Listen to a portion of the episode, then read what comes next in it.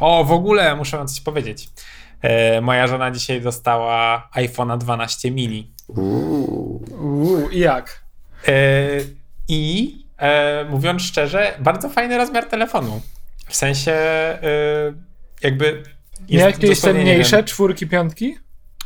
Tak, w sensie. Jak nie- porównujesz Nie mam, nie mam niestety żadnego 5S-a, żeby sobie przyłożyć jeden do drugiego, bo jestem ciekawy w sumie, No. jaka jest różnica. Ale jak przykładaliśmy do siódemki, które miała poprzednio, e, to w zasadzie, no nie wiem, jest może z pół centymetra e, różnicy między jednym a drugim. Jest bardzo poręczny.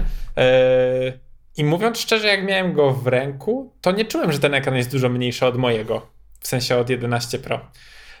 I naprawdę To jest- bardzo przyjemna rzecz. Siódemka i 5S. To w sumie też nie ma dużo różnicy. No, aż Nie takiej ma dużo różnicy, różnicy. w sensie mm, jest Ale mniejsza pomiędzy Ten kształt jest a tak 12. zajebisty. Tak, jest, jest super ten kształt, no, to się zgadza. Jeszcze w sumie fajnie, bo mm, 12 mini ma te matowe boki, nie te błyszczące, więc y, no moim zdaniem te matowe są lepsze, w sensie fajniej to wygląda. Tak, też tak E, słyszałem. No jakby- i ten, ten, ten ma ramki normalne, a nowy jest bezramkowy i nadal masz większy ekran mimo wszystko. tak, Dłuższy, tak, no. tak, tak. No nie, naprawdę bardzo, mieć. bardzo fajnie O, to tak. wygląda. Ja muszę sobie wymienić w końcu. Już pora chyba. Myślę, że to jest dobry czas. To już zdecydowanie Ty. się, się opłaca. No. Wyszły jakieś w ogóle ostatnio przecieki, że kolejne w line-upie właśnie będą te iMaki i będą miały chip chyba M1X czy coś takiego. No też tak słyszałem, że szesnastki też mają je mieć. No, no podejrzewam, stary. Jestem no, ciekawy. Podejrzewam, że po prostu te chipy zamiotły. Ja teraz im więcej... Ale widziałem, widziałem ostatnio film. Ziomek porównywał y, tego M1 z Maciem Pro za 9000 dolków. I pierwszy test DaVinci Resolve na Macu Pro kontra y, Final co- Cut? co- Fajna na, karta. kontra Final Cut. Na Final Cutie 24 minuty, jakiś tam timeline odcinka w 4K, na Macu Pro 30 parę minut. No. no tak, to jest rzeźnia. Tam będzie rzeźnia. Że oni tam, wiesz, Ale- mogą się cmoknąć. Niedługo. Intel, Porównuj- Intel został zniszczony już. On już nie ma. Intele były tylko w, w Macach. I Nadal porównujesz Maca Pro za 9000 dolarów kontra Maca Mini za 700 dolarów. No, no to już został zmiecony.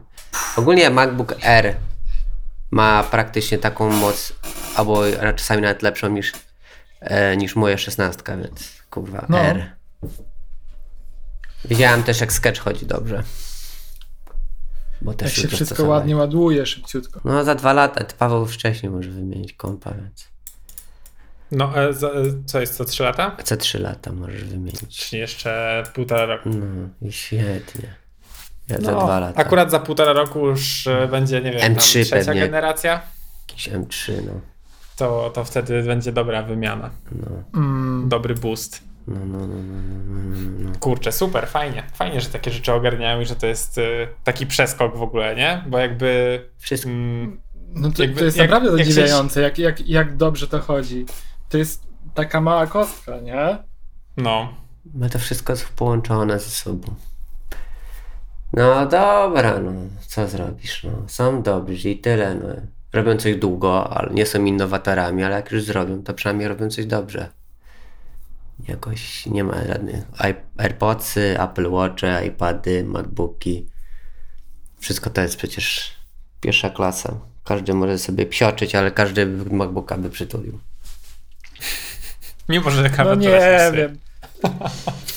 Są fanboje Windowsa jednak. No oczywiście, że są PC Master Race, chłopie, wiesz, że sam, ale to nie są fani Windowsa, tylko fani wolności, że tak powiem, że mogą sobie e, wiesz, GeForce'a wiebać, jakiegoś tam a- a- ARMA. Właśnie chciałem mówić, że fani wolności to, to na Linuxa powinni, a nie tam Windowsa. Boże, to jeszcze koledze sprzedałem myszkę, tą starą MX2 i okazało się, że ma Linuxa, ale na szczęście działała. Kurwa, się bałem, że nie będzie. To są już wariaty. No, ale no, no to co? Tak naprawdę Windows jest, bo Linux i Mac są na tym samym systemie, że tak powiem, na tej samym jądrze, na Unixie. Dlatego terminale tak, tak samo Windows tylko zmienił sobie z rozkminę. No dobra, panowie. Filip. Także może zacznijmy od no-code. Technologia no-code i czym jest ten no-code? Nie wiem, może Michał chcesz prowadzić? Yy, mogę powiedzieć. Ogólnie dla mnie no-code to jest yy, to jest takie może nie, nie wiem, filozofia to może za dużo powiedziane, ale jakieś takie podejście yy, podejście do, do tworzenia produktów po prostu poprzez brak jakiegokolwiek mm -hmm. kodzenia po prostu, czyli łatwiej, po, łatwo po prostu można powiedzieć, że nie potrzebujesz programisty, bardziej wystarczy ci twoje analityczne trochę myślenie i ogólnie jakieś takie logiczne, w sumie to też logiczne myślenie.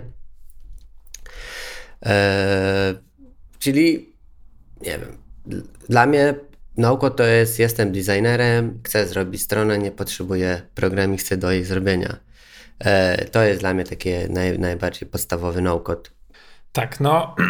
eee nie, no jakby to ja, ja, rozumiem przynajmniej tak, że to są po prostu narzędzia, które e, powodują, że designerzy nie muszą kodować.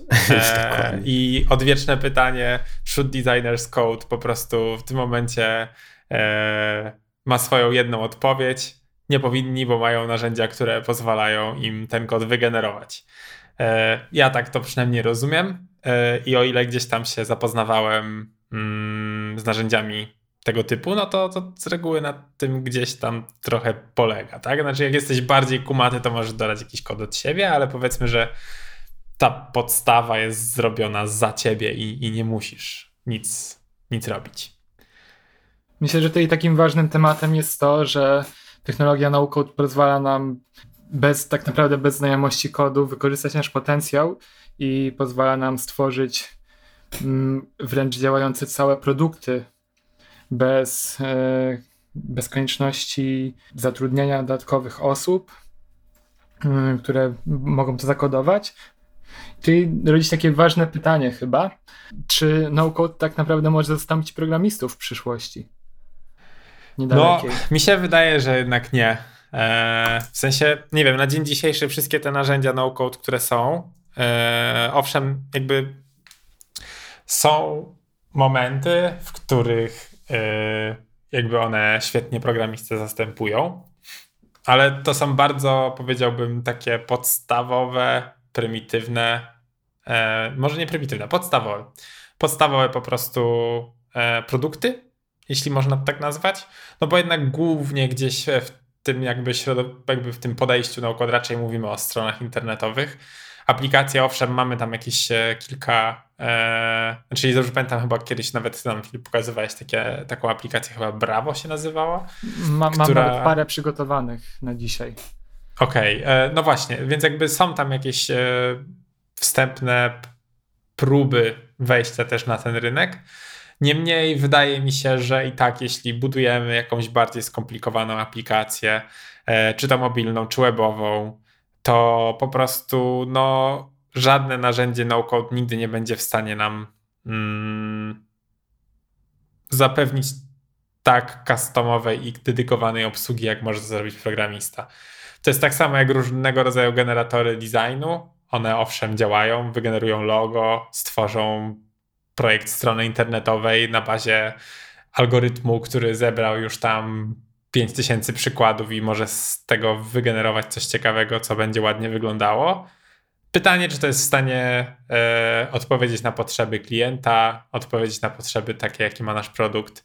Moim zdaniem nie. To jest dobry start, dobra baza, ale to nie jest coś, co moim zdaniem można sprzedać. Mm, mi się wydaje, że tutaj sprawa wygląda tak, że jeżeli chcemy być kolejnym Elonem Muskiem, albo Steve'em Jobsem, potrzebujemy zgranego teamu i dobrych programistów. Ale jeżeli chcemy sobie żyć na poziomie i zarabiać, na przykład tworząc strony internetowe albo proste aplikacje, e, optymalizować workflow, tutaj no-code odgrywa naprawdę dużą rolę i może wypełnić tą niszę. e, oraz e, pozwolić projektantom w łatwiejszy sposób mm, pozyskiwać klientów do tworzenia gotowych produktów dla nich tak naprawdę. Ja się zastanawiam, ja trochę myślę jak Paweł, w sensie, że no, takich skomplikowanych produktów to się w naukodzie nie zrobi, no bo to są takie dziwne, customowe rzeczy, że no ciężko by było e, to przewidzieć. Ciężko przewidzieć pewne rzeczy, jakie, za, za, ciężko przewidzieć pewne wymagania klienta. E, I to bardzo łatwo zobaczyć na przykład w ogólnie w naszym życiu na co dzień, pracując w software house'ach, że bardzo często spotykamy się z wymaganiami, które są pierwszy raz implementowane albo projektowane przez nas, albo implementowane przez programistów, którzy nawet są seniorami i pierwszy raz się z tym bardzo często czymś spotykają, ale e, no właśnie, w takich sytuacjach to myślę, że będzie ciężko, e, ale prawdopodobnie z takich prostych stron, może nawet nie prostych, bo prosta to jest statyczna strona, po prostu z tekst i plus zdjęcie, ale jakieś takie lepsze rzeczy to myślę, troszeczkę lepsze to nie ma problemu i tym możemy zostać. No mi się wydaje, że po prostu dopóki nie ma logiki za tym tam, tak, kiedy nie ma jakby elementów, które są od siebie w jakiś sposób zależne, kiedy nie musimy przedstawić czegoś, jeśli coś i tak dalej. W sensie nie musimy dodawać do tego jakiejś takiej ideologii programistycznej dodawać do tego jakiegoś, e, nie, nie czuć w tym mm, jakiejś potrzeby na kod, tak? No to, to jasne, to no kod to po prostu ogarnie e, i będziemy w stanie to tam stworzyć tanio, szybko. E, i do tego prawdopodobnie z takim zamysłem został stworzony, tak? Dzięki temu Hmm. programiści nie muszą robić kolejnych landing page'y, tak? Bo może się tym zająć na przykład designer, wyklikując takie rzeczy, czy to, nie wiem, tam w WordPressie w z nakładką, czy, to, czy bez nakładki, w sensie mam tutaj na myśli z, z czy Webflow, tak? Który chyba też jest trochę jednak, e, można tam wyklikać stronę, jak i wszystkie innego rodzaju kreatory, tak? Bo wydaje mi się, że mówiąc o no-code, mamy też na myśli e, Squarespace, tak? Który jest narzędziem do tworzenia stron internetowych. Chyba jest jeszcze tam kilka różnych tych narzędzi, ale e, już nie pamiętam nazw. Kiedyś Wings. miałem raz okazję tworzyć, właśnie, raz miałem okazję tworzyć stronę w Squarespace'ie. E, no to, to się tworzy w jeden dzień, tak? To, to w ogóle nie ma o czym rozmawiać. To jest tak proste jak e, budowanie e, prostego dokumentu w Wordzie, tak? Więc to jest easy, to jest dla każdego i to jest właśnie po to, żeby spełnić takie bardzo podstawowe potrzeby. Największa największa bolączka no-code w tej chwili to są sytuacje backendowe, bo frontendowe są całkiem dobrze e, ogarnięte przez te wszystkie narzędzia. Mm, tak naprawdę poprzez te kreatory możesz stworzyć frontendowo wszystko, tylko kiedy musisz mm, coś zaimplementować na backendzie, to tutaj już, już musisz naprawdę dobrze to rozkminić poprzez spinanie paru różnych narzędzi i to już nie jest takie proste. Chociaż nadal się da niektóre rzeczy zrobić. No, powiem Ci, że Webflow to jest taki tool, który dla mnie osobiście właśnie ten frontend, tam już jest tak naprawdę sky is the limit. Tam możesz już wszystko wyklikać. W sensie, może nie chcę ujmować w Webflow, bo to, to wyklikać to trochę.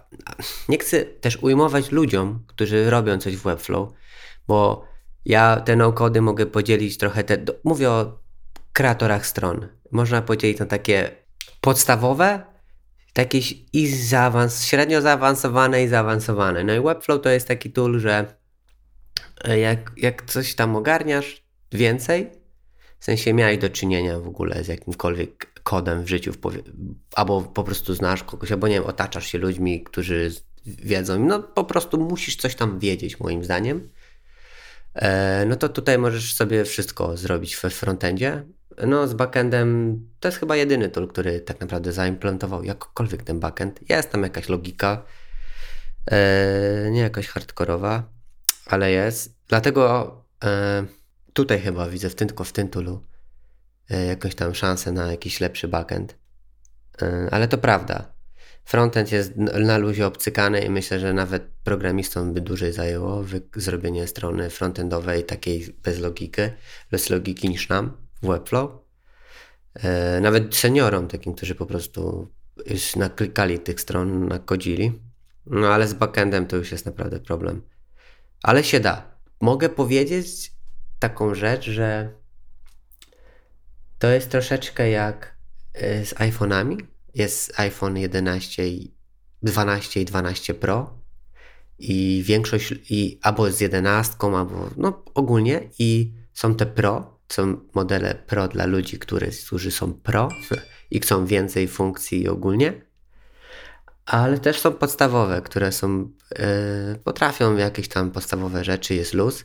No i tych podstawowych się najwięcej sprzedaje, nie Pro, tych najwięcej. Więc możliwe, że z web, ze stronami internetowymi jest tak samo, że największe zapotrzebowanie na takie podstawowe strony, jest większe zapotrzebowanie na takie podstawowe strony, mm, e, nawet z jakąś tam logiką, niż na takie skomplikowane, ja bym powiedział, to nie nazwałbym tego stroną, co aplikacją e, webową, która emituje stronę już, prawda?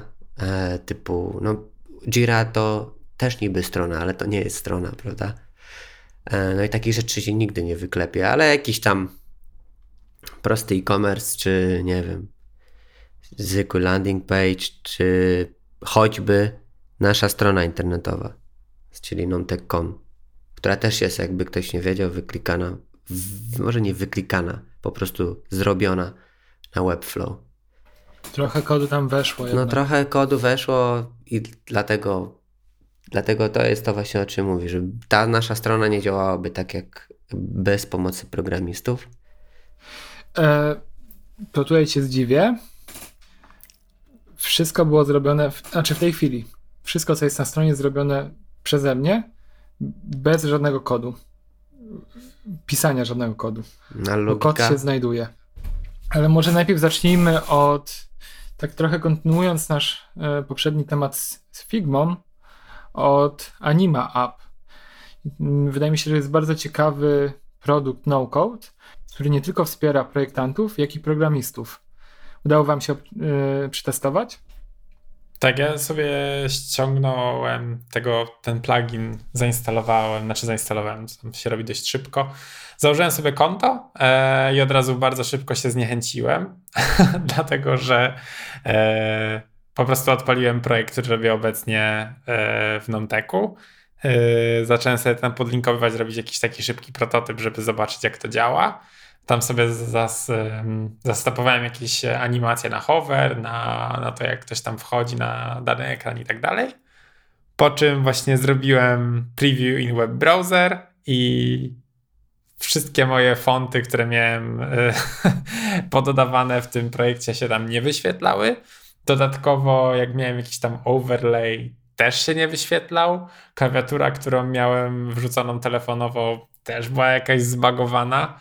E, więc e, tak szybko jak się na, na początku odpaliłem ten plugin i sobie myślałem, wow, zajebiście w ogóle e, dawno nie odpalałem tego, tej, tej animy, bo pamiętałem to jeszcze z czasów, jak to był plugin pod Sketcha i w ogóle wyszedł i wtedy jeszcze nie było toolów, znaczy nie było mm, wewnątrz Sketcha, czy teraz wewnątrz Figmy nie było możliwości prototypowania.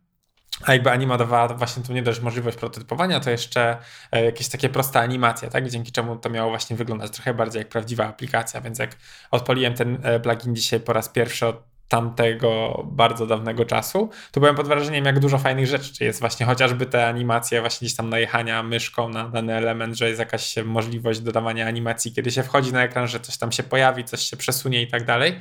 I to na mnie właśnie zrobiło fajne wrażenie, a potem bardzo szybko zostało zakopane tym, że przestało to wszystko, że, że nie działało tak, jak oczekiwałem. No i właśnie e, tuż po tym, jak wróciłem z portem do Figmy, to tam była możliwość oceny, jak, jak mi się podobało, e, no to właśnie Dałem tam jakieś dwie gwiazdki, po czym, po czym mnie zapytali jakby dlaczego. No to, no to właśnie napisałem im, że ani moje fonty, ani mój overlay, ani moja klawiatura, nic tutaj nie wygląda tak, jak wyglądało w, w Figmie, więc jakby co to w ogóle jest. No, ale jakby domyślam się też, że trochę piłeś do, mm, do tego, że Anima pozwala eksportować kod, bo to akurat bardziej poznałem od strony ich e, jakby strony internetowej, tego landing page'a, który mają e, z feature'ami. E, bo mimo, że włączyłem sobie okres testowy, nie mam tych feature'ów w tym pluginie, e, albo przynajmniej ich nie znalazłem, mm, więc na dobrą sprawę trochę nie wiem, jak działa ten, ten generator kodu, który oni mają tam w sobie.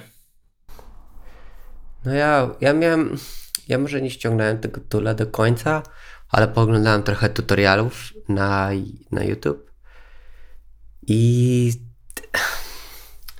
okej, okay, fajnie, spoko, ale to ja nie wiem, ja chyba bym tego nie chciał używać. Mógłbym sobie to zastąpić po prostu zwykłym prototypowaniem w Figmie. To, to myślę, żeby to było bardzo podobne e, doświadczenie. E, widziałem te breakpointy, jak tam się robi, czyli dostosowanie w rozdzielczości szerokości ekranu do różnych tam, czy na mobile, czy na iPad, czy coś tam, coś tam, czy szerszy web. No i zauważyłem, że tam brakuje takiego strasznie, jakby to powiedzieć, strasznie się szybko, może nie szybko, tak sztywno, o, sztywno się przełącza między różnymi wielkościami ekranów. I tam, że musisz zaakceptujesz sobie na mobile, potem masz większego jakiegoś tam ta tableta, tablet, no to jak rozciągniesz mobile do tabletu, to to po prostu tak hardkorowo przeskakuje. Tam się nic nie przypina do lewej, do prawej, tam nie ma takich auto layoutów, że tak powiem, że tam się, że w środku taka typowego, nie ma takiego typowego responsive, tylko są takie hardkorowe e, breakpointy. E, A czy to nie jest trochę tak, że tak zawsze działa na webie? W sensie ustawiasz sobie właśnie te e, szerokość jakąś tam, od której wchodzi ten nowy layout i wtedy on jakby po prostu zawsze tak przeskakuje i jeśli znaczy, różnica pomiędzy jednym a drugim będzie duża, no to zawsze chyba tak będzie, że to jest takie mocno zauważalne. Zależy, no bo możesz tak zrobić, ale możesz na przykład zostawić, że nie wiem, dany komponent na webie ma wypełniać ci zawsze szerokość ekranu. Typu zawsze ma ci wypełniać tą całą szerokość. Do, od tam, przypuśćmy, od, przypuśćmy, że jest od 300 do 500 jest jakiś tam widok, i on od 300 do 500 będzie się rozszerzał, a jak skoczy na 501, no to tam już zmieni swój layout na ten e, tabletowy. No i tam jest tak sztywno, tak jakby się wszystko przypięte do środka i tylko się rozszerza tło. Mm, no, możesz sobie dużo break, w Webflow na przykład teraz możesz ustawić customowe breakpointy, tam więcej, możesz sobie ustawić jak design wygląda na określonych rozdzielczościach i to jest mega spoko, prawda?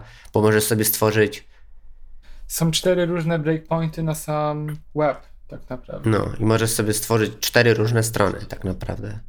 Mhm. No, a to jest znaczy, dalej web. ogólnie właśnie mm, to, co. Bo ja też jakby zwróciłem uwagę na te breakpointy, jakby w ich tym takim trailerze, który mają na stronie, na landing page'u. I chciałem sobie właśnie zobaczyć, jak to działa. To tutaj od razu właśnie info dla naszych słuchaczy z Anima App, e, je, jeśli są. To bardzo kiepski onboarding macie, moi drodzy, bo wrzucacie na swojej stronie internetowej plik e, testowy z Figmy, który ma mi pokazać, jak Anima App działa w praktyce. E, no i po odpaleniu tego pliku tam nie ma jakichś instrukcji, jak mam sobie to odpalić, co mam teraz kliknąć. Może po prostu mnie e, tutorialowe pliki Figmy trochę jakby rozpuściły, gdzie mam napisane, że teraz sobie kliknij to, tu zrób to, zaraz zobacz jak się zachowuje, rozciągnij, przerzuć i coś tam. Dzięki czemu jakby robiąc to gdzieś tam krok po kroku e, jestem w stanie dowiedzieć się jak ten, ten tool działa, czy tam nowy jakiś feature. E, no właśnie w animie mi tego zabrakło, bo, bo ściągnąłem sobie ten mm, cały projekt testowy, odpaliłem, odpaliłem anime i tam nic nie było zasetapowane, więc nie mogłem szybko przetestować, jak działają te breakpointy, tylko teoretycznie musiałbym to zrobić sam. Nie wiem, no jakoś tak to nie zagrało mi do końca. Więc y, od, tak właśnie taka wskazówka dla, dla, dla naszych słuchaczy z anime, że może fajnie by było ten plik trochę fajniej zorganizować, żeby trochę pokierować tego nowego użytkownika, co on ma tam w ogóle ogarnąć i jak to uruchomić. Ja tutaj może jestem trochę adwokatem diabła, ale nie wiem, ja trochę wierzę w te tule i mm, może nie do końca się skupiam na tych małych błędach, które tam wyskakują, małych, większych, ale na potencjale, jaki tworzy dla przyszłej współpracy między projektantami a programistami. Jeżeli to będzie tak działać, że faktycznie w łatwy sposób pokaże mniej więcej podstawy designu. To jest takie założenie, podstawy designu czyli niekoniecznie fakty, jak, jak się rozwija mm, na breakpointach ten, ten design, ale te sztywne są breakpointy ustawione i jak na tych breakpointach ma wyglądać kod przygotowany na przykład pod React Native, no to dla programistów ten ready to develop code e, będzie sporym ułatwieniem, albo przynajmniej już powinien być, co powinno bardzo usprawnić pracę. No, Znaczy tu jest też pytanie, jakiej w ogóle jakości jest ten kod, tak? Bo te tule mają raczej tendencję do generowania takiego shitcodu. Spaghetti code. Oczywiście tak, ja tutaj y, no nie mogę powiedzieć nic jakby konkretnego, niemniej zawsze jak y, próbowaliśmy korzystać z czegoś takiego w projektach, a były już takie próby, to z reguły to się kończyło na tym, że Boże, to co wygenerowało w ogóle nie ma sensu i nara, nie, nie korzystamy z tego.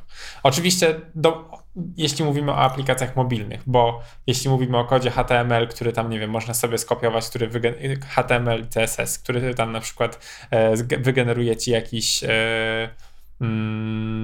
baton, tak, czy coś w tym rodzaju, no to to jest zupełnie inna rozmowa. Natomiast jeśli chodziło na przykład o tworzenie layoutu, który mieliśmy w apce i to miało wygenerować kod iOS-owy, było jakieś takie narzędzie, które w ogóle brało plik sketcha i miało mm, generować ekran e, w Xcodzie, no to to się na przykład zupełnie nie sprawdziło i jakby totalnie nie miało racji bytu. Mm, Nie wiem, ja to może trochę analizowałem pod kątem w takim porównaniu z takim abstraktem na przykład, gdzie faktycznie wpakujesz się w te elementy bardziej i masz gotowy kod, tylko przygotowany pod React Native albo pod HTML i CSS. Mhm. Tak, znaczy, Tak, wydaje jako, mi się, że taka- ogólnie taka jakby... alternatywa do tych tuli, nie? wydaje mi się, że ogólnie mówiąc o tych wszystkich toolach no-code, braku, znaczy mi osobiście pewnie też trochę brakuje perspektywy webowej, jako że na co dzień projektuję w zasadzie tylko aplikacje mobilne i web mi się zdarza okazjonalnie, to po prostu może też jestem w stanie właśnie, nie jestem w stanie aż tak bardzo docenić ich potencjału, tak jak ty to robisz, bo po prostu ja tego potencjału nie widzę, bo te projekty, które robię są po prostu nie do obsłużenia przez te, przez te tule.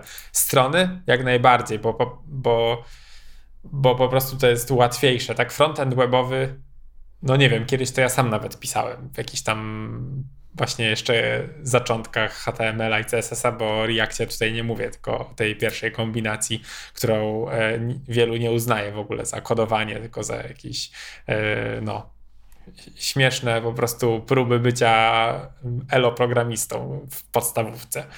Więc e, no, jakby tam wszyscy mówią, że to jest takie prymitywne, tak? Więc jakby rozumiem, że skoro jest taki prymitywny ten HTML i ten CSS, no to łatwo jest wygenerować kod, e, który, e, który, który z designu można przełożyć na to, że to potem działa i jakby jest interaktywny, tak?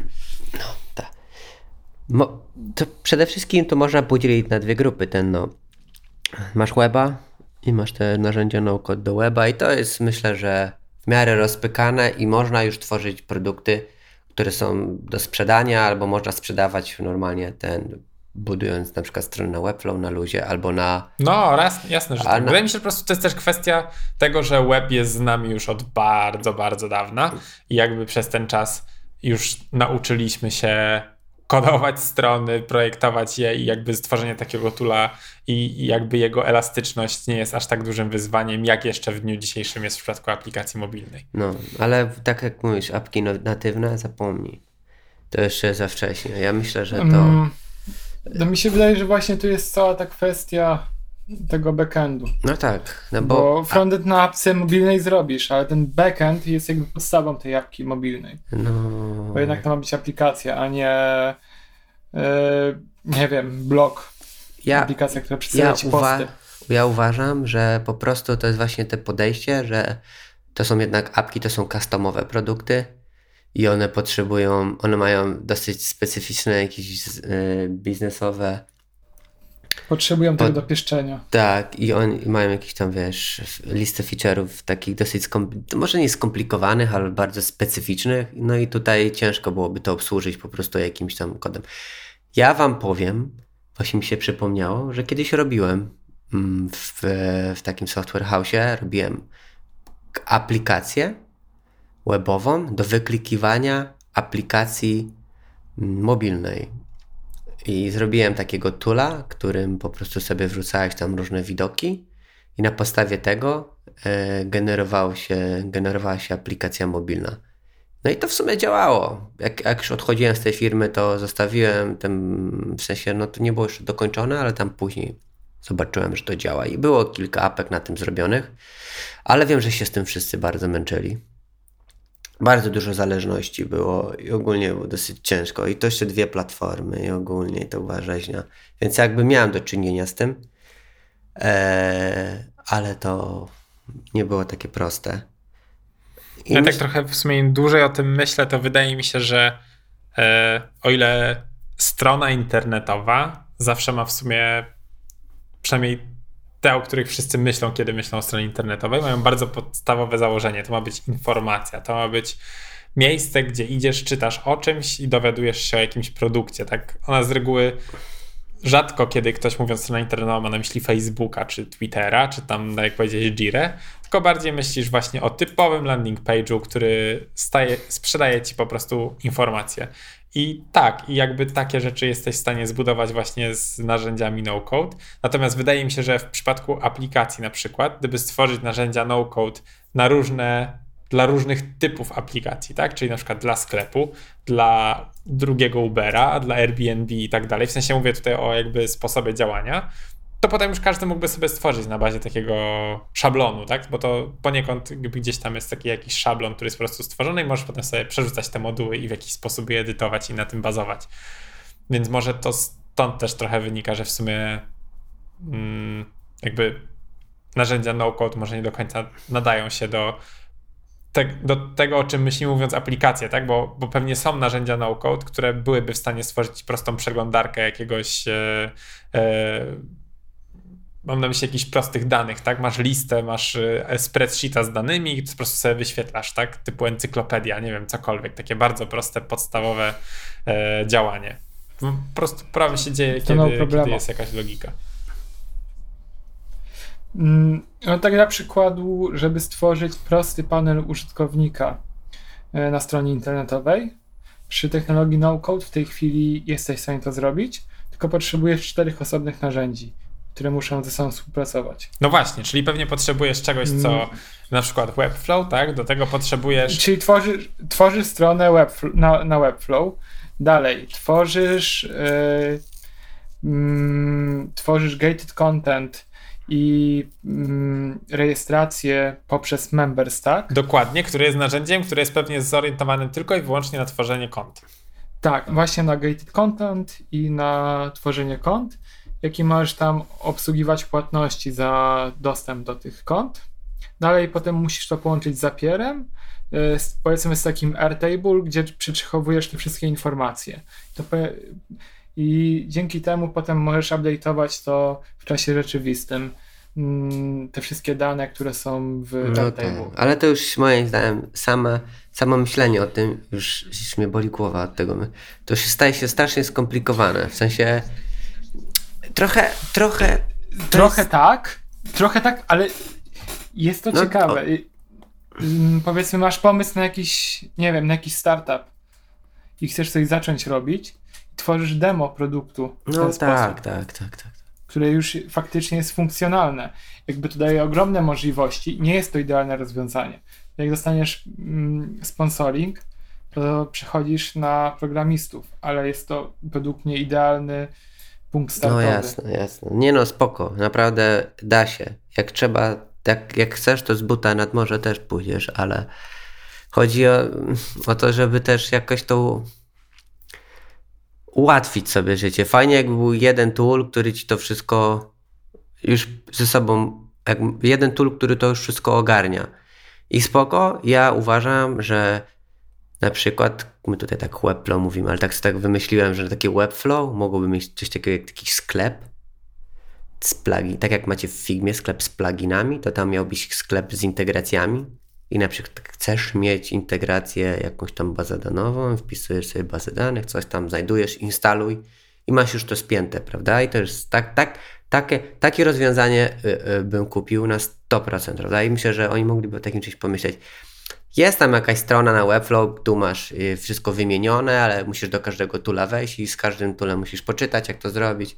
Ale mogliby to ułatwić. Jeżeli chodzi o no-code, spoko, to wszystko już można połączyć, ale teraz moim zdaniem chyba mogliby się skupić wszyscy na tym, żeby te wszystkie no-cody jakoś wspólnie zintegrować, jakiś, nie wiem, zunifikowany sposób, jakiś taki łączenia tych pluginów, tych serwisów ze sobą w łatwy i przejrzysty sposób. To byłoby spoko, prawda? I to wtedy naprawdę można by e, było coś zrobić. No ale to, to, to, ale to, o czym teraz rozmawiamy, to ja uważam, że to już jest taka wyższa szkoła jazdy.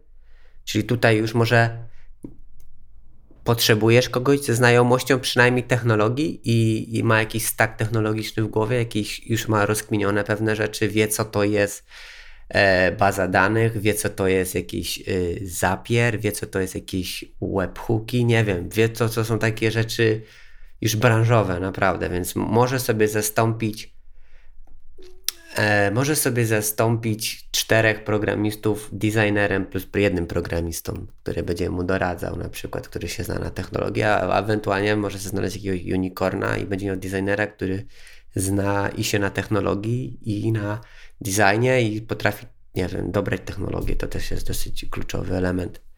Więc spoko, prawda?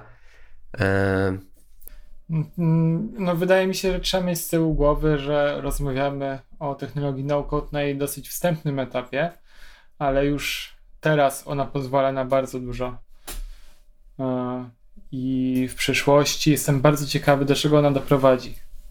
Czy mi się wydaje, że jakby no-code na webie to już nie jest taki wstępny etap. To już jest dość rozwinięte, jakby E, te narzędzia są naprawdę bardzo. To samo, co Michał mówił, czyli ta cała integracja wszystkich narzędzi, jednak jest mocna do rozkminienia. Bo samo stworzenie strony, no to pikuś. To pierwszy lepszy pan Janusz może usiąść, wejść na Squarespace i zbudować sobie stronę internetową, która będzie ładnie wyglądać i będzie responsywna ale jeżeli chce stworzyć bazę danych na tej stronie, mieć rejestrację i inne rzeczy, no to musi wykorzystać do tego parę, parę różnych narzędzi, które będą ze sobą współpracować.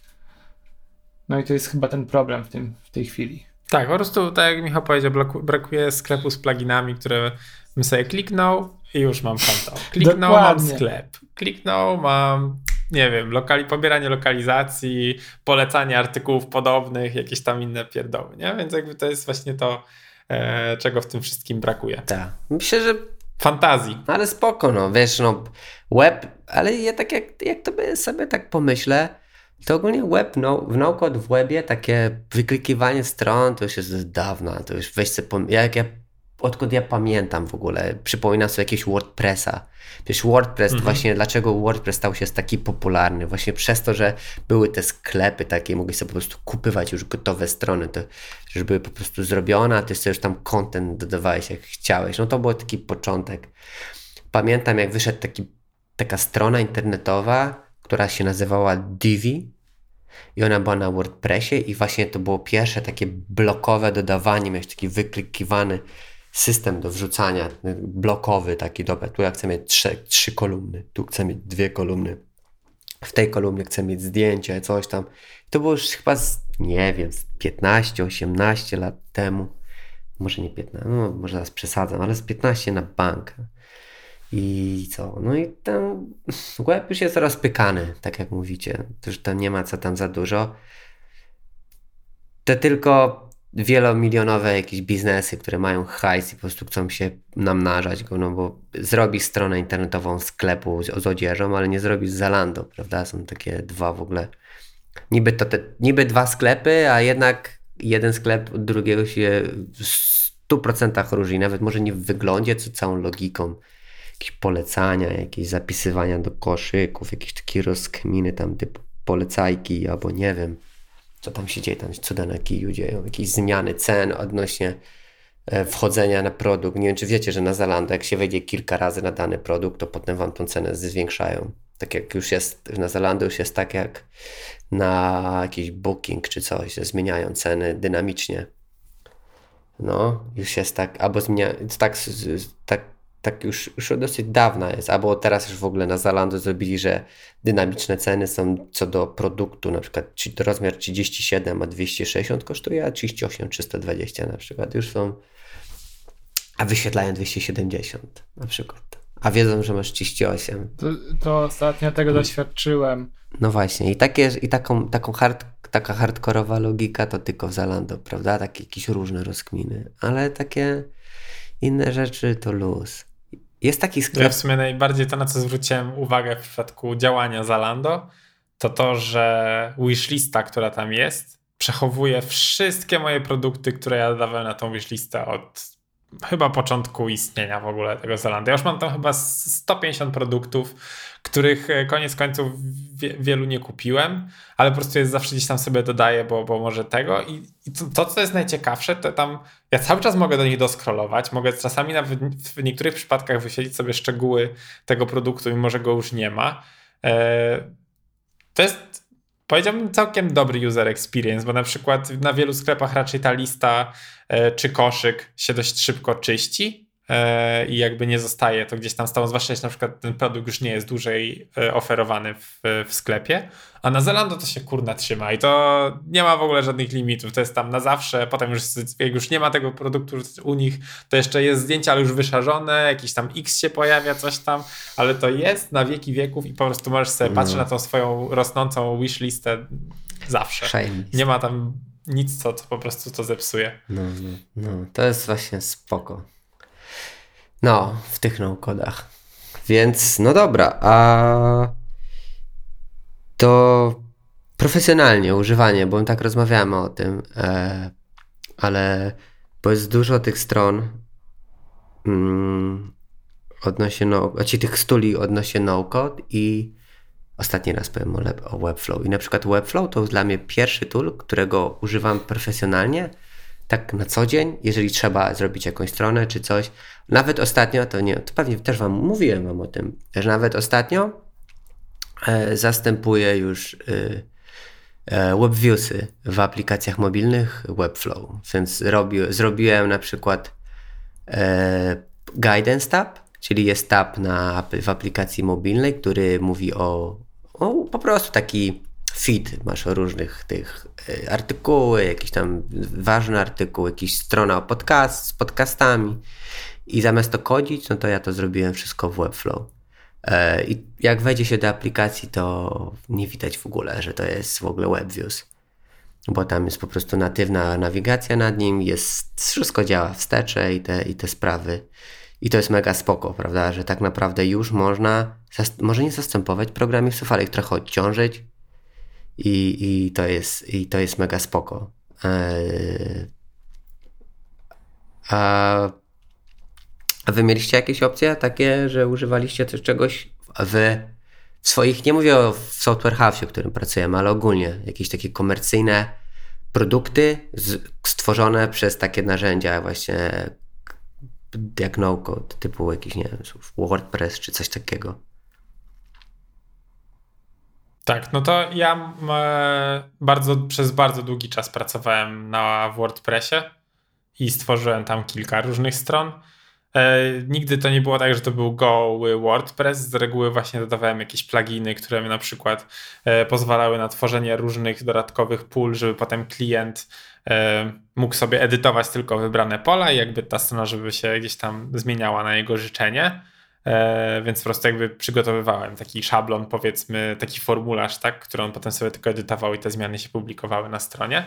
E, no ale to było jeszcze dawno temu, a potem jak raz właśnie spróbowałem sobie zainstalować, e, zainstalowałem sobie Semplis, tak, czyli to jest ten cały tool do tworzenia stron Tobiasa van Schneidera. No to mówiąc szczerze, to jest dla mnie idealne wypośrodkowanie pomiędzy tym, co sobie wyobrażam jako no-code, a no nie, po prostu to jest moim zdaniem najlepsze narzędzie no-code, z jakiego korzystałem, bo tam ja, tworzenie stron jest dla mnie ultra proste. To jest tak intuicyjne, tak fajnie działa, e, że no, zbudowałem na tym nie jedną stronę i naprawdę w momencie, kiedy mam design zbudowany gdzieś tam w Figmie, tak, czy, czy gdziekolwiek indziej, to odtworzenie go e, w Semplis, znając trochę już to narzędzie, to jest kilka godzin pracy, tak? To jest bardzo szybko, żeby to, to w ogóle zbudować. Więc y, osobiście bardzo to polecam i jakby mm, na tyle już dobrze je znam, że raz jak właśnie próbowałem y, y, sobie, chciałem spróbować Webflow, to było jakiś czas temu, już dwa lata, nawet może więcej, jak próbowałem zbudować tam jedną ze stron właśnie, nad którymi pracowałem, to ponieważ nie mogłem odtworzyć tego designu tak szybko, jakbym to zrobił w Semplis, to się zirytowałem. Po prostu kupiłem kolejną licencję na Semplis i zrobiłem to tam, bo, bo po prostu było szybciej. E, a że akurat wtedy jakby, nie wiem, nie miałem jakoś za dużo czasu na to wszystko, to stwierdziłem, że tak będzie też łatwiej. E, no, ale w międzyczasie z tego co widziałem, to w Webflow się sporo pozmieniało, mm, bo to jak wtedy właśnie jeszcze z tego korzystałem, no, to trochę, trochę, trochę, trochę to, już to zmienili. było trochę inne narzędzie. Teraz też wygląda trochę inaczej, no i w sumie cieszę się, że będę miał okazję spróbować jeszcze raz e, za, za niedługo, bo, bo myślę, że przyda mi się ta wiedza, plus jakby e, no, nie, na, zgadzam się tutaj z, z tą opinią właśnie Michała, że wiele ekranów na pewno można zastąpić WebViewsem jeśli on jeszcze fajnie działa i wygląda tak jak w ogóle aplikacja i nie odczuwa się dzięki temu jakiejś tam wielkiej różnicy e, i to nie jest jakby widoczne dla użytkownika, że to jest e, WebViews, tak? No to, to, to jak najbardziej, zwłaszcza, że wiele, często są ekrany w aplikacji, które mogłyby być w ten sposób e, zrealizowane. Tu, tutaj poruszyłeś bardzo ciekawy temat WordPressa kontra web, Webflow i wydaje mi się, że Webflow wygrywa tym, że nie korzysta z wtyczek, jest zintegrowanym systemem i jest stabilny. W y, WordPressie często słyszałem sytuację, nawet jak korzystałem z niego, y, aktualizował się WordPress, wtyczki się nie zdążyły zaktualizować niektóre i wysypywała się cała tak, strona. no to tam się zdarza Tutaj nie może często. być takiej sytuacji. Dobra, Filip, a co ty tam klepałeś? No możesz opowiedzieć ogólnie, bo myślę, że to jest spoko opcja, żebyś opowiedział coś może, jak ci się naszą stronę namtekową robi na Webflow. Jakie masz, jakie w ogóle widzisz plusa, plusy tego, że e, robimy stronę e, na Webflow? Bo słuchacze nie wiem, czy wiedzą, ale Filip jakby jego pierwszą pracą w naszej firmie Ja tutaj, ja jestem, tutaj w ogóle jestem early adopter y, tego Webflow. Y, ja w tym siedzę już parę lat ładnych. Y, I tak naprawdę poznałem chyba to narzędzie od podszewki, od kiedy można było wprowadzać tylko podstawowe, e, podstawowe strony niczym na Squarespace. Może troszeczkę bardziej zaawansowane. I widziałem, jak to się narzędzie rozwijało. Jestem, jestem wielkim fanem tego narzędzia. A jak byś ocenił dzisiejszy próg wejścia do Webflow? W sensie, no bo właśnie ostatnio słyszałem też ciekawą dyskusję na temat na przykład Figmy, tak, która na dzień dzisiejszy ma już tak dużo profesjonalnych feature'ów, że to już nie jest narzędzie dla każdego, tylko to jest narzędzie dla profesjonalistów, którzy wiedzą, co robią w Figmie. Jak to jest w Webflow? Jest o wiele niższy próg wejścia niż nauka kodowania tego od podstaw. Ale tutaj mamy różne narzędzia mm, dla różnych odbiorców. Czyli powiedzmy, jesteś przedsiębiorcą, który potrzebuje zbudować najprostszą stronę i nią zarządzać. Jako projektant od razu polecam ci Squarespace. Jest jeszcze Wix na przykład, ale Wix jest o wiele bardziej ograniczony, więc Squarespace jest tym narzędziem, które powinieneś użyć. Jako projektant, który chce zbudować stronę internetową na podstawie jakiegoś swojego projektu i chce mieć więcej możliwości, ale nie chce się jakoś mega zagłębiać w schematy tworzenia stron internetowych na podstawie CSS-a, Java, HTML-u, jak to wszystko powinno między sobą powinno siedzieć, jak powinno między sobą działać. Jest taki tool, który nazywa się Editor X i to jest tool stworzony przez Wixa. To jest w ogóle świetna, e, świetna droga, którą, mm, w którą wszedł Wix, czyli stworzył ten middle ground pomiędzy Squarespace'em a Webflow. I to jest tool, który wygląda trochę jak Webflow i działa jak Webflow, ale jednocześnie jest o wiele bardziej przystosowany schematem działania do narzędzi do projektowania graficznego, czyli na przykład Figma. Jak w CSS-ie mamy z-indeks, który definiuje, mm, jak na którym planie znajduje się dany obiekt, to w editor X e, wystarczy dać go o poziom wyżej na, mm, w tej tabelce po lewej stronie. Tak samo jak w Figmie, czy w Illustratorze, czy gdziekolwiek. I tutaj ten poziom wejścia jest dosyć niski, a jednocześnie gwarantuje dużą możliwość kustomizacji strony.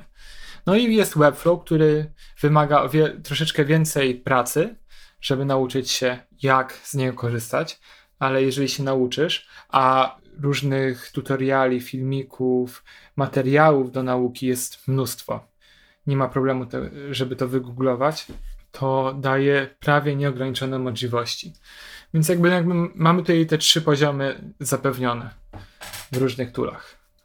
Pytanie, co chcesz stworzyć i który tool jest najlepszy do Twoich założeń? No wiadomo, to, to, to się, jak to się mówi, z motyką na słońce się nie idzie. Odpowiedni tool do odpowiednich elementów, do, do odpowiednich zadań. Ale właśnie to warto wspomnieć, że w tym, to może już kończymy z tym Webflow powolutku, ale że oni mają mega spoko tutoriale, e, mają zarąbiście zrobioną tą Webflow Academy, oni mają tam profesjonalnie wszystko porobione, mają mega spoko hosta w ogóle, który ma niezły głos i, i te wszystkie tutoriale są robione w bardzo komediowy sposób i są takie bardzo entertaining. E, mają już no, trzech no, mają hostów. trzech, ja jeszcze pamiętam dwóch albo jednego ale e, szczerze jestem naj, chyba wielki, największym fanem no, filmików Są mega Webflow, spoko. E, I to jest tak ostatnie chwile słodzenie, to w, e, jeżeli chodzi o Webflow, mają mega spoko CEO. E, Vlad się nazywa, e, na imię ma Vlad, e, nie pamiętam jak ma nazwisko, ale jest, e, śledzę jego jakby w, w Twittera. No i on jest taki mega prospołeczny, bardzo empatyczny, no, widać, że to jest taki, wiecie, szef do, do, do rany przyłóż i myślę, że swoją może charyzmą i takim empatią bardzo dużo przyciągnął dobrych pracowników do siebie, dlatego ma taki produkt, jaki ma, prawda? E, więc jest e, mega, mega, mega spoko. E, no, ale jest taka jedna rzecz, którą nie wiem, czy zwróciliście uwagę, jak wy używacie narzędzi no-code. Bo bardzo często ja na przykład używam narzędzi typu właśnie Webflow czy e, w ten sposób, że czasami nawet omijam proces projektowania, że e, projektuję sobie w takich narzędziach i robię coś takiego, że nie chce mi się projektować czegoś w Figmie. Po prostu wiem, że troszeczkę więcej, albo albo tyle samo zajmie mi to wyklikanie w, e, w jakimś toolu no-code, i wtedy sobie zobaczę to wszystko na żywym organizmie, będę mógł sobie poskrolować, ponaciskać czy takiego, niż mam to projektować i potem to wszystko znowu przenosić do tula. Eee, nie wiem, czy wy też tak macie, ale ja mam tak bardzo często. Eee, pewnie mówisz o projektach, które robiłeś y, głównie pod WebView, pod aplikację. Też, też, albo jakieś takie proste landing page, to po prostu nie chce mi się projektować, po prostu wrzucam to od razu. Tu, tu jest, wydaje mi się, że duża pułapka, na której się często łapałem, wchodząc w Webflow i doświadczyłem tego, bo ponieważ dobre zrozumienie produktu, strony, którą projektujesz i tego, jak ona ma się zachowywać na różnych ekranach, e, przez co możesz e, jakby zrozumieć logikę, jak ona ma się skalować, jak ona ma być responsywna w jakiś sposób i jak ma się zbudować Webflow, no wiem. to jest podstawa. Więc jak zrobisz, zaczniesz to robić w Webflow, coś bardziej skomplikowanego, to potem okaże się, że tracisz yy, mnóstwo czasu, bo musisz to od nowa zbudować w całkowicie inny sposób, bo wszystko się rozjeżdża i się kompletnie nie, nie, na, na mobilce nie potrafi, nie, nie jesteś w stanie tego nie no, zrobić no, w odpowiedni sposób. Ja rozumiem, ja ci mam na myśli, że mam jakieś makiety mam i takie wyższe high fide designy już po prostu czasami pomijam i robię od razu w tym tulu. Nie no, tak to na, na żywioł nie lecę. No tak, jeżeli, jeżeli rozumiesz jak to ma działać, jeżeli rozumiesz jak to ma działać, to Webflow jest świetnym narzędziem. Znaczy, no, w sumie jakby poniekąd, yy, przynajmniej tak jak to wiem, jak to wygląda po prostu na przykład w Semplis, tak, gdzie budowanie strony to jest e, faktycznie przeciągnij, upuść, tak, uzupełnianie, dobieranie fonta na dobrą sprawę, to wszystko działa dokładnie tak samo, jakbym to robił w Figmie. Po prostu to jest też kwestia trochę chyba wygody mm, i jakby znajomości danego tula, także jakby szybciej, wydaje mi się, jestem w stanie coś zaprojektować w jakimś tam właśnie narzędziu typu Figma, tak, niż bezpośrednio w tym narzędziu no-code. Chociaż prawdą jest, że tak naprawdę chyba e, ogólnie narzędzia no-code trochę też zostały, znaczy przynajmniej no nie wszystkie, tak, ale jakaś ich część została stworzona właśnie po to, żeby już bezpośrednio w nich projektować, tak żeby nie, nie było tego kroku pośredniego, tylko żeby robić to od razu tam, dzięki czemu oszczędzasz właśnie trochę ten czas. I wydaje mi się, że właśnie na przykład projektowanie stron, kiedy masz jakiś zamysł na to, jaka ma być z tego struktura i jak ona ma się zachowywać, to jak Michał mówi, jeżeli masz jakąś prostą makietę, wiesz co i jak e, i w sumie nie, pod, nie, nie, nie masz takiego problemu, że nie wiesz w ogóle jak to ma wyglądać jak to zrobić, bo ty już to masz w głowie, tylko trzeba to przelać na, na, na ekran, to, to tak, to ja też wtedy jakby podchodził do tego tak, że pomijam e, na przykład Figmę, chociaż rzadko mi się to zdarza mimo wszystko, bo jednak lubię ten, nawet czasami robię tak, że zacznę coś robić w Figmie, zacznę sobie na przykład projektować właśnie jakąś tam konkretną stronę, jestem powiedzmy już gdzieś w połowie i już czuję, że idzie tak zajebiście szybko, że już po prostu wiem co i jak, tylko klikam, klikam, klikam, to w tym momencie wtedy, ok, to w takim razie już po prostu mogę sobie przejść do Semplis i mogę już to tam zacząć składać, bo od razu będę i tak już budował te gotowe komponenty, bo już wiem, już mam tą jakąś tam tą bazę tak zrobioną, którą sobie zaprojektowałem e, w tej pierwszej, pierwszej części tego projektu i teraz już tylko muszę to kontynuować, więc ciężko byłoby mi zacząć od zera na pewno. Myślę, że musiałbym mieć chociaż jakąś jedną stronę, która już mi nada jakiś ton w, w, typ, w toolach typu Figma jesteśmy w stanie o wiele szybciej i w łatwiejszy sposób przetestować różne pomysły, które mamy w głowie. Możemy je z, z siebie wyrzucić. To nie jest tak proste w takim Webflow. Tylko, a później, jeżeli już wiemy, co robimy i te sekcje, które wstawiamy, są bardzo generyczne w budowie, to nie ma potrzeby tego projektować, tak mi się wydaje, ale nadal E, te programy graficzne jakby są podstawą. nie no wiadomo, tylko jest po prostu wiadomo, tak jak mówisz, trzeba jak najszybciej z siebie wyrzucić, czyli Figma to jest taki tool, że szybko projektujesz, szybko walidujesz i wiesz, czy chcesz, czy nie. Prawda? I on jest stworzony po to, żeby właśnie szybko walidować. On nie, nie skupia się na responsywności, czy coś się wyświetli na Safari, czy na czymś, czy, czy nie, jak, to, jak tam to ma pływać E, po, po prostu zrobić szybko i nara. E... Wydaje mi się, że też właśnie tutaj to jest e, przewaga. Znaczy, prze... nie, w ogóle nie porównałbym tego w ten sposób. Jakby to, e, jakby robienie właśnie projektów Figmie czy w jakimkolwiek innym narzędziu graficznym daje ci tą wolność. Jakby w momencie, kiedy robisz to już w Webflow, czy tam w jakimkolwiek innym no-code narzędziu do budowania strony, od razu jesteś w jakiś sposób ograniczony, mniej lub bardziej E, jak to działa, czy tam jesteś w jakiejś po prostu takiej e, nie wiem, jakiejś takiej klatce niewidzialnej, która powoduje, że niektórych rzeczy nie robisz, bo, bo nie wiesz jak na przykład. A w Figmie po prostu idziesz i potem martwisz się, jak już masz to zakodować, jak, jak to zrobić i w końcu to może wykminisz. Myślę, że więcej, większa szansa jest, że w Figmie zrobisz coś e, innowacyjnego, pod kątem na przykład wyglądu strony internetowej, niż w tym danym toolu, gdzie musiałbyś najpierw wykminić w ogóle, jak to zrobić, tak? Po prostu w filmie jest szybciej. Szybciej będziesz, nie wiem, zrobisz sobie e, jakieś ultra dziwne zaokrąglenia, niż zrobisz to na przykład w CSS-ie, bo musisz wykminić, czy najpierw prawy, lewy, czy i tak dalej. Jakby to jest oczywiście prosty problem, ale żeby pokazać jakby mój tego rozumowania. No, no. Chodzi mi po prostu o to, że, że tam jesteśmy w stanie szybciej to, to, to zrobić. No tak samo. I, no tak jak mówicie, po prostu zwalidować ten tak pomysł. Tak samo nie? w Figmie po prostu wstawiasz elementy gdziekolwiek chcesz. Przy webowym toolu musisz już zaprojektować całą strukturę. Czyli od yy, kontenerów. Dokładnie, które a tam nie musisz wszystko... o tym myśleć, nie? Tak, dokładnie. Więc możesz sobie szybko walidować pomysły. Dobra, rozmawiamy już trochę długo, i już niedługo powinniśmy kończyć, wydaje mi się. A jeszcze. Ja jeszcze mam jedną rzecz. Ja jeszcze, jeszcze mam parę rzeczy ważnych. No bo, bo, tak naprawdę przy rozmowie o no skupiliśmy się na Webflow i może, żeby dokończyć to Webflow, e, chciałem przybliżyć, polecić parę tuli, które pozwalają zrobić naprawdę dużo, e, czego w tej chwili Webflow nie oferuje. I jedną z takich stron e, jest strona FinSuite.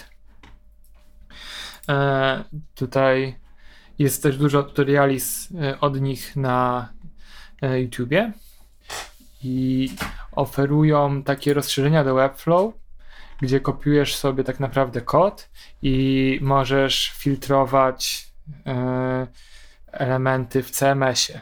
Możesz łączyć różne dwa, na przykład dwa osobne mm, listy CMS-owe. Ich strona jest tak przebajeżona, że nie mogę jej praktycznie scrollować. Jaka strona? FinSuite? Nie wiem. No, FinSuite, okay. tak.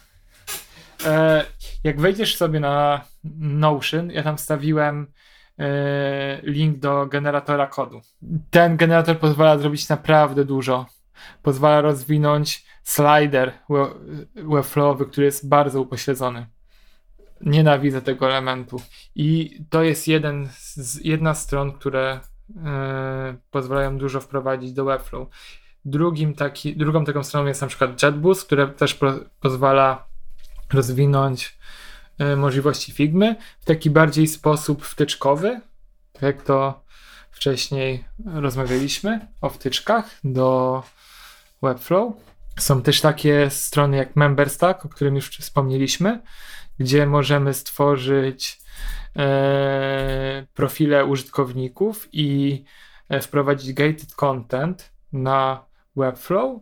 Więc e, na przykład możemy sobie zrobić bramkę, gdzie po zarejestrowaniu użytkownika dopiero użytkownikowi wyświetlają się jakieś strony, informacje i tak dalej. E, co Webflow ma zamiar wprowadzić, ale to już od bardzo dawna i to cały czas trwa. Więc to jest ciekawa strona. Jest na przykład też taki Stripe, gdzie możemy procesować płatności różnego typu naszych produktach. No i na chyba najważniejsze narzędzie, czyli Zapier. E, czyli dzięki Zapierowi możemy sobie e, najprostszy przykład stworzyć formularz, który nam się zapisze w Airtable i z Airtable zupdate'uje na przykład CMS-a, Webflow, który wyświetli kolejne dane. Więc tutaj mamy praktycznie nieograniczone możliwości do tworzenia backendów. No, tak. Filip nas tutaj przeorał technologicznie. Tak, wszystkie, wszystkie linki będziecie mieli w opisie. Od razu mówię. Gdzieś tam ten opis się znajdzie. Jeszcze nie wiemy gdzie, ale gdzieś tam opis będzie. Widzę, że tutaj Filip jeszcze wrzuciłeś jedną rzecz, która teraz jest taka, kiedyś zrobiła dosyć duży szum. To była to właśnie ta aplikacja Play. Ona się nazywa Creative with Play. Czyli... Tak, dokładnie. To jest chyba właśnie ten drugi temat, który chciałem poruszyć, czyli temat apki mobilne, bo yy, skupiliśmy się na webowych i jest tutaj parę alternatyw, które można, można przetestować. Jest Bravo, jest Play, jest na przykład Supernova Studio, są jakieś tule od Google'a i tak dalej. E, ale z tych wszystkich ten Play jest chyba najciekawszy, bo pozwala budować aplikacje natywnie w telefonie. Będzie, będzie, będzie pozwalał, bo na razie jest w beta będzie, sign. Ja pamiętam jak to na, na, na Twitterze, ogólnie na design Twitterze e, zrobiło e, mega furorę, że ty możesz sobie w, w telefonie wyklikać aplikację. I są te wszystkie tutoriale i pokazane, jak tam ziomek na przyspieszeniu buduje sobie jakąś stronę i jest, wiesz, wszyscy się tam normalnie jarają, tak, że szkoda gadać, no i ludzie czekają, aż to wyjdzie. No na razie jeszcze nie wyszło, no ale czekamy. No. Obietnica jest zacna, żeby można było sobie klepać apkę z poziomu telefonu. Spoko, naprawdę spoko. Dużo ludzi zwróciło uwagę, jakie oni spoko kontrolki porobili i w ogóle jak to nie rozpykali, takie dosyć skomplikowane rzeczy. No ale jeszcze tego nie ma, no ewidentnie mają jakieś problemy. Ale czekamy, trzymamy kciuki. To nie jest tak, że my nie wierzymy w to, bardziej czekamy aż wejdzie, no bo tych tuli jest tak dużo, ale żaden nie ma jakby zastosowania komercyjnego. Większość tych tuli może traktować jako ciekawostkę. Takie, o, fajnie, można zrobić sobie apkę w apce, fajnie. I co ona może? O, slider, ale z biznesowego punktu widzenia nikogo slider nie obchodzi. Chciałby sobie Tak, nikogo nie obchodzi, potem robisz onboarding i implementacja, a dobra, trzy dni. No. Nie no, żartuję, wiem o co chodzi. Web, web, no tak, to prawda, ale wiesz, weź to zintegruj. Jasne. No, no spoko. E, w- Ale samo Brawo wydaje mi się też bardzo ciekawe. Szczególnie dla osób, które chcą sobie stworzyć podstawowe aplikacje, które bardziej wyświetlają informacje niż pozwalają wprowadzać przez użytkowników i tworzyć jakąś interakcję. Mm, Jest, jest to super proste i zajmuje tak naprawdę ułamek czasu potrzebny na mm, wprowadzenie takiej aplikacji na, do sklepu. Co jest ciekawe, poprzez Bravo możemy stworzyć aplikacje natywne. no tak, takie. No spoko, fajnie, naprawdę fajnie. Możemy na pewno połączyć się z Airtable, zaciąga na żywo informacje, e, co jest już dużym plusem. Chyba nie, nie tylko z Airtable, ale z różnymi bazami danych. Więc w łatwy sposób możemy sobie na przykład zarządzać mm, dla przykładu blog postami albo mm, jakimiś produktami, informacjami o nich. A jeżeli ktoś ma dużo zapału, to tak naprawdę można to połączyć z innymi toolami e, e, mm, no-code, typu toolami do AR-u, typ, y, toolami do sztucznej inteligencji. Można to połączyć z zapierem z, e, z bazami danych i można stworzyć całkowicie funkcjonalną aplikację, co już sprawdzałem i faktycznie jest taka możliwość, ale trzeba mieć dużo, dużo do tego siły i To zapału, żeby To to wszystko prawda. Ogarnąć. chcącego nic trudnego da radę. Ja tak myślę, że już naprawdę na koniec, na koniec chciałbym już coś takiego dziwnego powiedzieć. Może nie dziwnego, tylko takiego oświecającego dla mnie, jak, jak robiłem jakieś, używałem takich tuli no-code. To jest troszeczkę taki reverse engineering. E, w ten sposób możesz się nauczyć kodować, tak naprawdę kodzić, albo przynajmniej zrozumieć, e, używając tuli no-code, tak e, możesz się trochę nauczyć logiki w ogóle tworzenia kodu. W sensie, jak te widoki powstają, jak się tworzy te pewne elementy. Tworząc webowe a, jakieś strony internetowe, naprawdę możesz się dowiedzieć, co to jest responsywność, jak działa ta responsywność. Możesz się dowiedzieć, co to jest jakiś tam margines, lewy, prawy, dlaczego się je ustawia, co to są paddingi.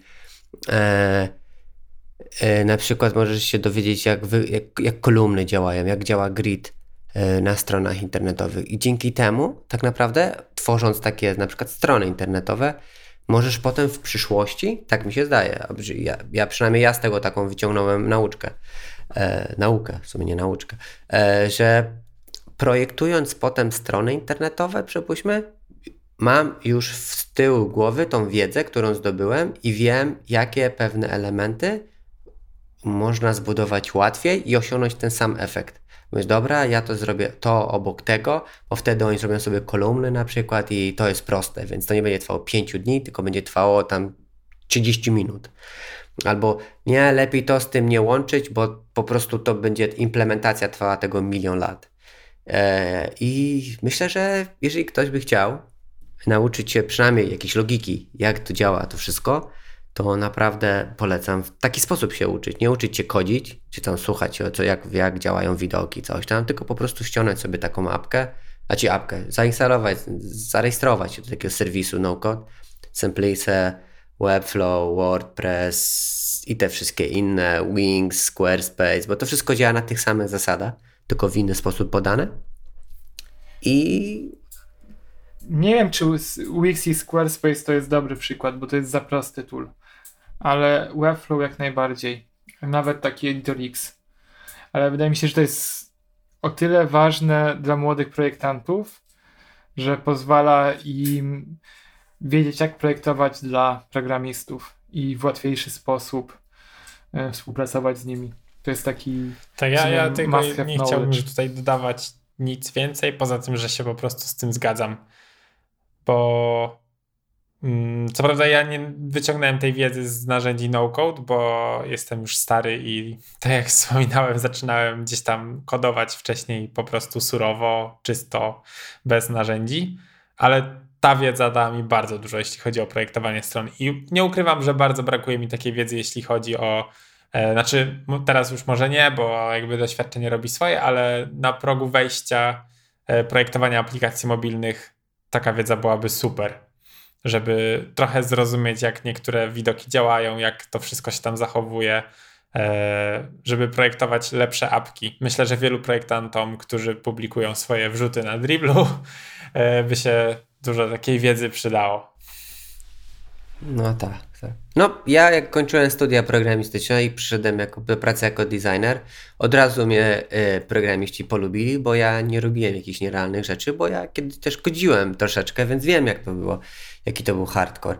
E, co to, to co do, to do tego, bije do tego Paweł, co ty teraz powiedziałeś, to tak se patrzę na to, na to create with play, jak ja patrzę na te wszystkie overlaye, które tam są pokazane, jak to co się działa, to tak naprawdę to jest właśnie to, co to samo, co jest na webie, tylko na, na mobilu. Czyli tutaj tak samo posługuje się tymi komponentami e, systemowymi. Tutaj masz, z tego co ja widzę, jakieś e, Mhm. kontenery, są pokazane są jakieś listy, celki, e, gridy i podejrzewam, że na, używają tego samego na, nazewnictwa, co jest w na przykład w Tak, iOSie tak, tak. jakiś stack container. No więc myślę, że jak ten tool wyjdzie, to na pewno dużo się, jak zaczniemy z niego korzystać, to na pewno dużo się nauczymy, jak są w ogóle budowane widoki w aplikacjach mobilnych. Znaczy, choć mniej więcej wiemy, oczywiście to nie jest tak, że nie wiemy, tylko dowiemy się jeszcze więcej.